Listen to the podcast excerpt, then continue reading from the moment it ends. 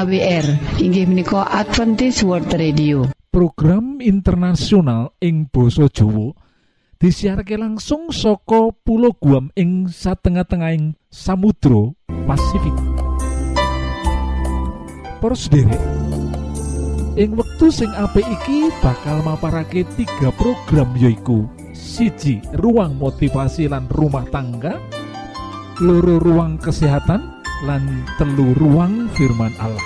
Kita pracojok program iki bakal jadi manfaat jadi berkah kagem kita kabeh.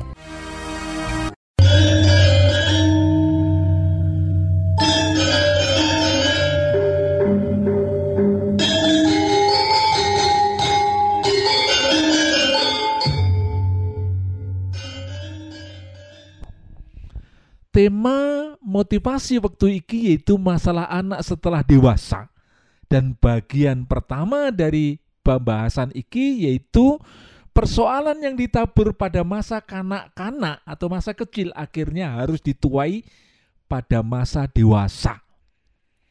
Hidup tidak terlepas dari persoalan atau para sederek. Pada masa anak kecil ada persoalannya. Setelah anak agak besar ada juga persoalannya sendiri. Dan setelah anak menginjak remaja juga ada persoalannya. Ada seorang tokoh Alkitab yang mesti menghadapi persoalan hidup yang timbul setelah anak dewasa. Namanya adalah Yakub.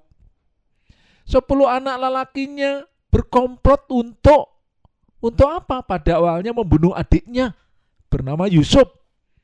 Akhirnya mereka tidak jadi membunuh. Sebagai gantinya mereka menjualnya menjadi budak dan Yusuf pun harus hidup menderita bertahun-tahun lamanya. Akhirnya disatukan kembali dengan ayahnya. Dan marilah kita lihat, kita selidiki kehidupan dari keluarga ini dan kita bisa menimba, memetik beberapa pelajaran daripada keluarga ini, yaitu persoalan yang ditabur pada masa kanak-kanak atau anak kecil dituai pada masa dewasa. Yakub ora mencintai ibu dari sepuluh anak laki-laki nih sing bernama Lea. Yakub hanya mengasihi ibu kedua putra bungsunya Rachel. Sayangnya ia meneruskan ketidakcintaan itu kepada anak-anaknya. Lah ini memang ada masalah waktu pernikahan dulu. Dia ingin menikahi Rachel tapi diberi oleh bapaknya yaitu Leah harus bekerja tujuh tahun lagi untuk mendapatkan Rachel. Tetapi ketidakcintaannya kepada ibu ini diteruskan juga kepada anak-anak yang ke sepuluh ini Yakub memperlakukan baik banget loh marang Yusuf maupun Binyamin iki beda karo menyang sepuluh putra-putra yang lain. Lah akibatnya piye? Ke sepuluh putra-putranya mengembangkan kepahitan. Putra-putranya mengembangkan dendam yang dilampiaskan kepada si adik kecil yaitu Yusuf yang tidak tahu apa-apa. Yusuf mung dadi kurban perbuatan ayah yang membeda-bedakan. Sebagai orang tua kita wajib membesarkan loh. Kita sebagai orang tua wajib membesarkan anak-anak dengan penuh kasih. Kita tidak boleh loh membeda-bedakan anak, tidak boleh. Apalagi meninggi-ninggikan anak di depan adik-adiknya atau kakak-kakaknya. Perlakuan khusus koyo mengkini ini akan koyo piye gini ya? Berakibat berpotensi menimbulkan sakit hati loh poros diri nanti tidak jarang nimbulake rasa benci ono ing ati anak-anak liane berbahaya banget loh para sederek Sedapatnya, para sederek, jangan kita kaitkan kasih kepada anak dengan apa yang diberikan orang tuanya. Jangan.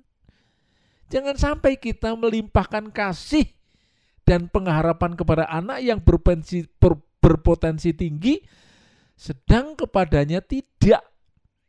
Kita jarang memberikan pujian atau penghargaan, sedang kepada yang lain dipenuhi dengan pujian dan penghargaan. Itu berbahaya sekali. Tetapi Yakub tidak belajar dari hal ini anak pun memerlukan disiplin. Jika anak besar tanpa disiplin, anak bertumbuh menjadi seorang manusia yang tidak berdisiplin. Anak yang liar, anak yang tidak bertanggung jawab, sulit mencapai target yang dicanangkan karena tidak mempunyai disiplin atau cukup disiplin dalam kehidupan. Ia pun sukar mengandalkan hasrat hatinya loh. Dia inginnya apa yang diinginkan pasti diperoleh. Jika anak bertumbuh tanpa disiplin akan menyusahkan diri sendiri dan akan menyusahkan orang-orang di sekitarnya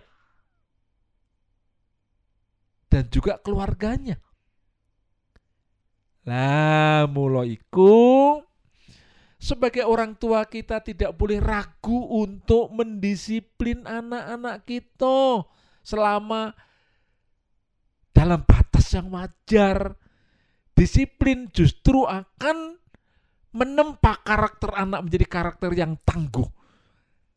Tetapi jangan membeda-bedakan semua anak harus kita perlakukan yang sama. Gusti berkahi.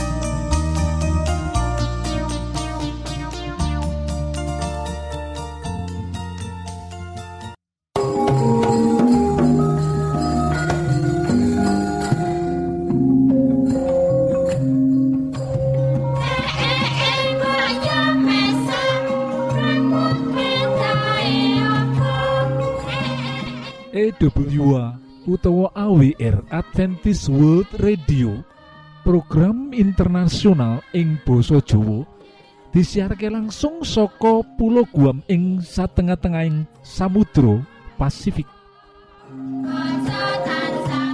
Poros derek Monggo Monggo sugeng mirengaken program kedua inggih menika ruang kesehatan Salam sehat Gusti berkahi.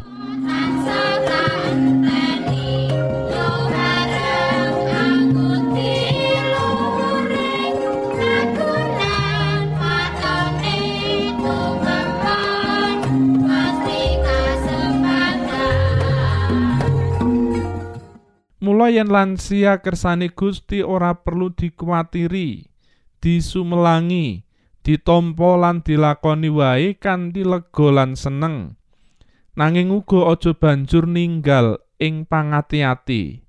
Sebab ora bisa diselaki merga yuswa tuwa organ-organ awak wiwit kendho lan loyo. Gampang kena gangguan fisik lan psikis. Untunge sadurunge sawenehe gangguan teka kadhisikan anane gejala-gejala kang bisa enggal dingerteni lan dititeni yaiku kang disebut gejala 10B B. Kang lam, kang kalimo yaiku batuk. Batuk utawa watuk arupa gangguan amarga anane peradangan ing lapisan batang tenggorokan utawa ana pipa udara paru-paru. Yen kondisi penderita lemah, contoh lansia, peradangan kuwi ana kemungkinan bisa dibarengi infeksi laringitis, tracheitis, uga bronkitis. Tondo-tondone yen sakawit penderita mung cekrah-cekreh njur watuk guguk. Tip solusi, Yen watu isih krasa ringan, coba ngunjuk jamu-jamu tradisional dhisik utawa obat watu umum. Conto laserin OBH. Menawa mantep padatan uga enggal saras, nanging yang meksa durung mari becik cepet tindak neng dokter. B kang keenem yaiku boncel utawa ompong. Gangguan sakit wajah rata-rata nyerang penderita ing periode umur dewasa nganti masa lansia. Sebabe maneka remen ngunjuk panas adem, ngakibatake gigi rengat lan kropos.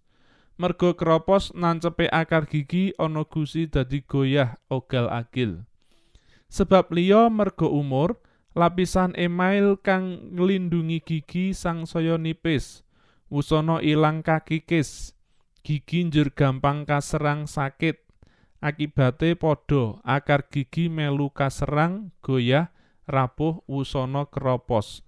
Tip solusi, menawa kahanane wajah wis goyah, nanging dirasa ora ganggu, becik dijarake dhisik.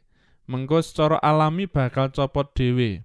Mung eleke susunan gigi katon boncel-boncel ompong. Ewa semono yang dirasa ganggu becike dicabut kabeh lan diganti gigi palsu. Gendahare ya samsaya enak. B kang kapitu yaiku boyok. Gangguan boyok kasebabake anane penyumbatan kelenjar lan organ ing pinggang. Mergo aliran darah kang abnormal, Mongko yen pinuju kumat gangguan boyok kuwi njelei banget. Posisi awak kaya apa wae boyok panas nyengat, lungguh ngadeg apa maneh krasa kerengkangan. Tip nanggulangi cara alami coba sering saha ajeg ngunjuk wedang jahe esuk sore. Dene cara medis coba ngunjuk pil Voltaren kanthi resep dokter sakmestine. B kang kawolu yaiku beser. Beser kasebabake anane gangguan saraf saluran kantong kemih. Uga kasebabake kelenjar prostat kang lower membesar.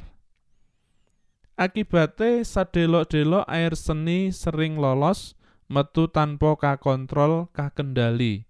Tip solusi mergo nyangkut piranti so organ dalem kang penting prayoga langsung periksa dokter. Para sederek, para sederek pengen gadai kesehatan sing prima.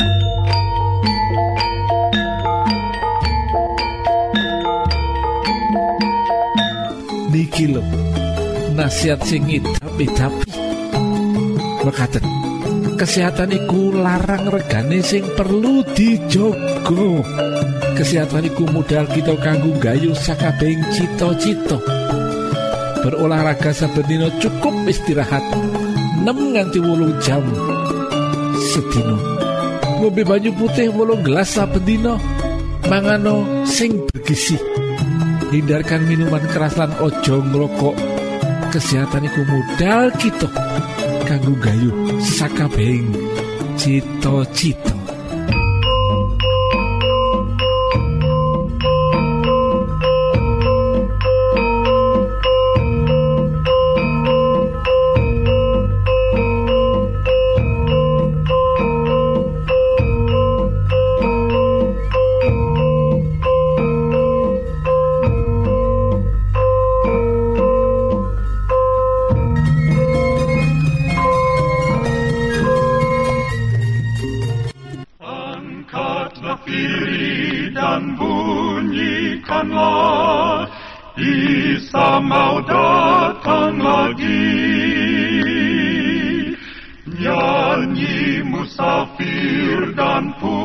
Pujikanlah Isa mau datang lagi. EWA utawa AWR Adventist World Radio. Program internasional ing basa Jawa. Disiharke langsung saka Pulau Guam ing satengah-tengahing Samudra Pasifik. Sederek ing wektu sing apik iki monggo kita siapkan hati kita kangge mirengaken firman Allah Datang lagi, datang lagi, Isa mau datang lagi.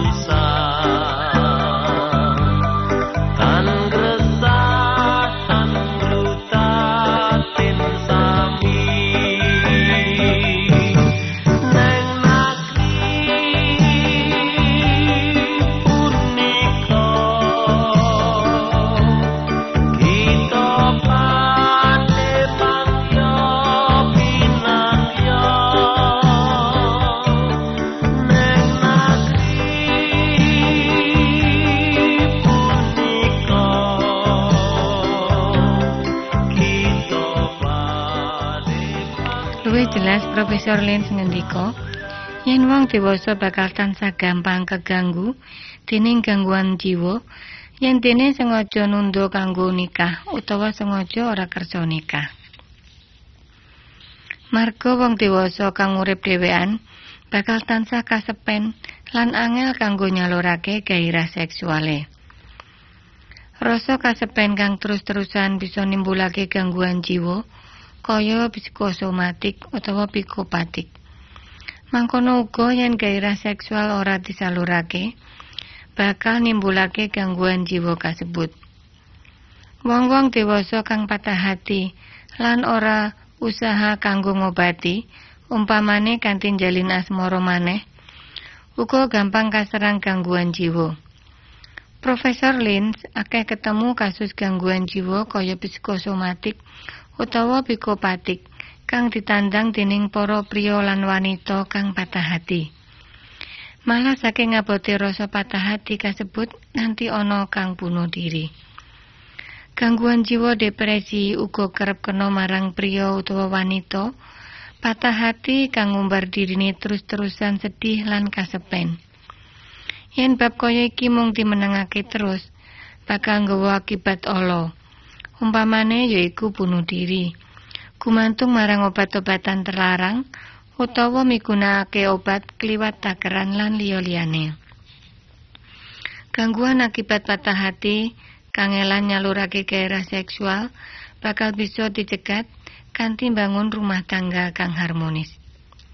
Para sutrisno, yen miturut Lins, katon bangun rumah tak kanthi bangun rumah tangga kang harmonis, selaras, pria lan wanita bakal oleh kanca urip kang bisa diajak rembukan, becik ngrembug bab kang serius utawa bab kang santai. Kanca rembukan kang nyenengake mampu ngentengi abote sanggan perasaan utawa pikiran. Luwih saka iku yen rumah tangga wis bisa dibangun kanthi becik utawa selaras, mula bakal ndadekake kang lakoni ngrasa kagungan arti urip. Istri kang ayu utawa suami kang ganteng jelas dadi kebanggaan kang nyimpen makna luhur. Kanthi urip bebarengan pasangan kinasih, bakal ngrasa optimis ngadepi urip ing tembe mburi. Marga iku wis katon luwih jelas lan mesti. Beda yen isih dhewean, urip krasa ing terowongan kang sepi lan adem, medeni rasane. Para sutresno, saka hasil penyelidikan nunjukake yen sanggan ekonomi rumah tangga kang abot uga bakal dianggap enteng lan nyenengake yen ing jerone wis kejalin hubungan kang selaras. Marga paribasane abot padha tipikul, enteng bareng dijunjung. Yen kakung lang putri wis selaras sajroning saling tulung tinulung, saling ngisi siji marang sijine, sakabeh bakal krasa enteng lan nyenengake banget. Akeh keluarga kurang mampu, nanging tetep bisa rukun lan seneng, ayem lan tentrem. Marga ing buri kahanan prasaja iku kasimpan keselarasan. Marga iku anak-anak kang perlu biaya akeh kanggo pendidikan, kang tansaya mundhak terus ora dadi sanggan kan, sanggan kang abot yen ing rumah tangga kasebut wis kejalin keselarasan. Senajan kudu kerja mati-matian, bakal ngerasa seneng banget. Anggere bisa nyukupi kebutuhane anak lan rumah tanggane. Ing rumah tangga kang harmonis, selaras ora bakal ana sesambat. Bapak Ibu kang kinasih, kagem para bapak kang ngrasa susah marga pasulayan karo ibu. Masalah rumah tangga becike didadekake PR ing bab iki yen pengen urip seneng lan jiwa raga sehat kudu berjuang utawa usaha nyiptake keselarasan rumah tanggane. Rumah tangga kang kerep pasulayan sawetara bapak utawa ibu ora usaha kanggo nyiptakake keselarasan ing rumah tanggane. Alon-alon pasulayan kasebut bakal bisa nimbulake gangguan jiwa marang bapak utawa ibu ing rumah tangga kasebut. Lan yen wis kena gangguan jiwa utawa stres abot, salera dahar bakal merosot. Penampilan tansaya ora simpatik, wegah ngurus salira, awak dadi alum. Bisa nelongso lan suami mbok nawa bakal golek wanita liya kang luwih seger. Ora ananing keselarasan ing rumah tangga kang nganti suwe ora ditandani, ora mung nyebabake suami lan istri susah lan keganggu, nanging uga alon-alon gawe rumah tanggane berantakan. Sebab bapak lan ibu ing rumah tangga iku bakal gampang kegodo, ora seimbang utawa sengaja kegodo. Dadi aja kaget yen akeh kasus penyelewengan kang diwiwiti saka sebab ora selaras ing rumah tangga kasebut. Bangun keselarasan rumah tangga yen turut Profesor Lins merloake ten telung syarat utama yaiku kapisan kersa ngalah. Senajan ana masalah ing rumah tangga, nanging nganti sikap ngalah bakal tetep bisa mbangun keselarasan ing rumah tangga. Saumpama istri luwih gedhe bayare utawa luwih pinter utawa luwih dhuwur pendidikane kudu tetep kersa ngajeni suami kang luwih rendah bayar lan pendidikane utawa suwalike. Sing kapindho yaiku ana pangerten. Pangerten ing kene jelas ing kabeh aspek kauripane dhewe-dhewe. Lan kanggo bisa mangerti, suami lan istri kudu kersa blak-blakan ngenalake diri. Kejujuran kudu tansah dilaras suami istri kanggo mujukake sapa jati dirine supaya pasangan luwih gampang mangerti kanthi jelas. Katelu, ngasihi siji lan sijine. Kang dimaksud iku loro-lorone tansah orientasi kanggo maringi. Kepinginan maringi kudu tansah diutamakake lan tansah diusahake bisa dadi kasunyatan. Suami lan istri kang saling ngasihi tansah disik-disikan nyenengake pasangan. Mula wis samestine yen wong-wong kang mangkono iku tansah kasil mbangun rumah tangga kang selaras. Yen telung syarat mau wis dikatindakake, rumah tangga bakal tansah kukuh senajan akeh problem kang muncul. Lan kudu dieling yen telung syarat mau ora mbutuhake dana utawa biaya. Kanthi tembung liya, kanggo mbangun rumah tangga kang harmonis, selaras ora perlu materialistis. Para sutresna ingkang kinasih, kula aturaken panuwun sanget dene sampun nyuwun kawigatosan panjenengan sedaya. Mugi-mugi menapa ingkang kita aturaken wonten manfaatipun kagem panjenengan sakeluargi. Lan Gusti Allah tansah paring ayo mugi kasugengan kagem panjenengan sedaya. Keluargi. Lan Gusti Allah tansah paring ayo mugi kasugengan kagem panjenengan sedaya.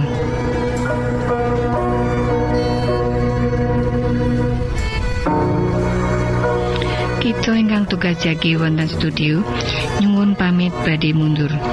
pilih wonten pitaken-pitaken utawi unjuin atur masukan-masukan lan menawi panjenengan gadah kepengingan ingkang lebet badhe sinau bab pangantikaning Gusti. Lumantar kursus Alkitab tertulis Monggo. 3 Advent Suara Pengharapan PO Box 80 Jakarta setunggal kali wolu setunggal 0 Indonesia. Panjenengan saged mlebet jejaring sosial Kawulo inggih menika Facebook pendengar radio Advent suara pengharapan utawi radio Advent suara pengharapan. Saran-saran pitaken ugi tanggapan panjenengan tansah kawulo tenggo. Lan saking studio kula ngaturaken bumi panuwun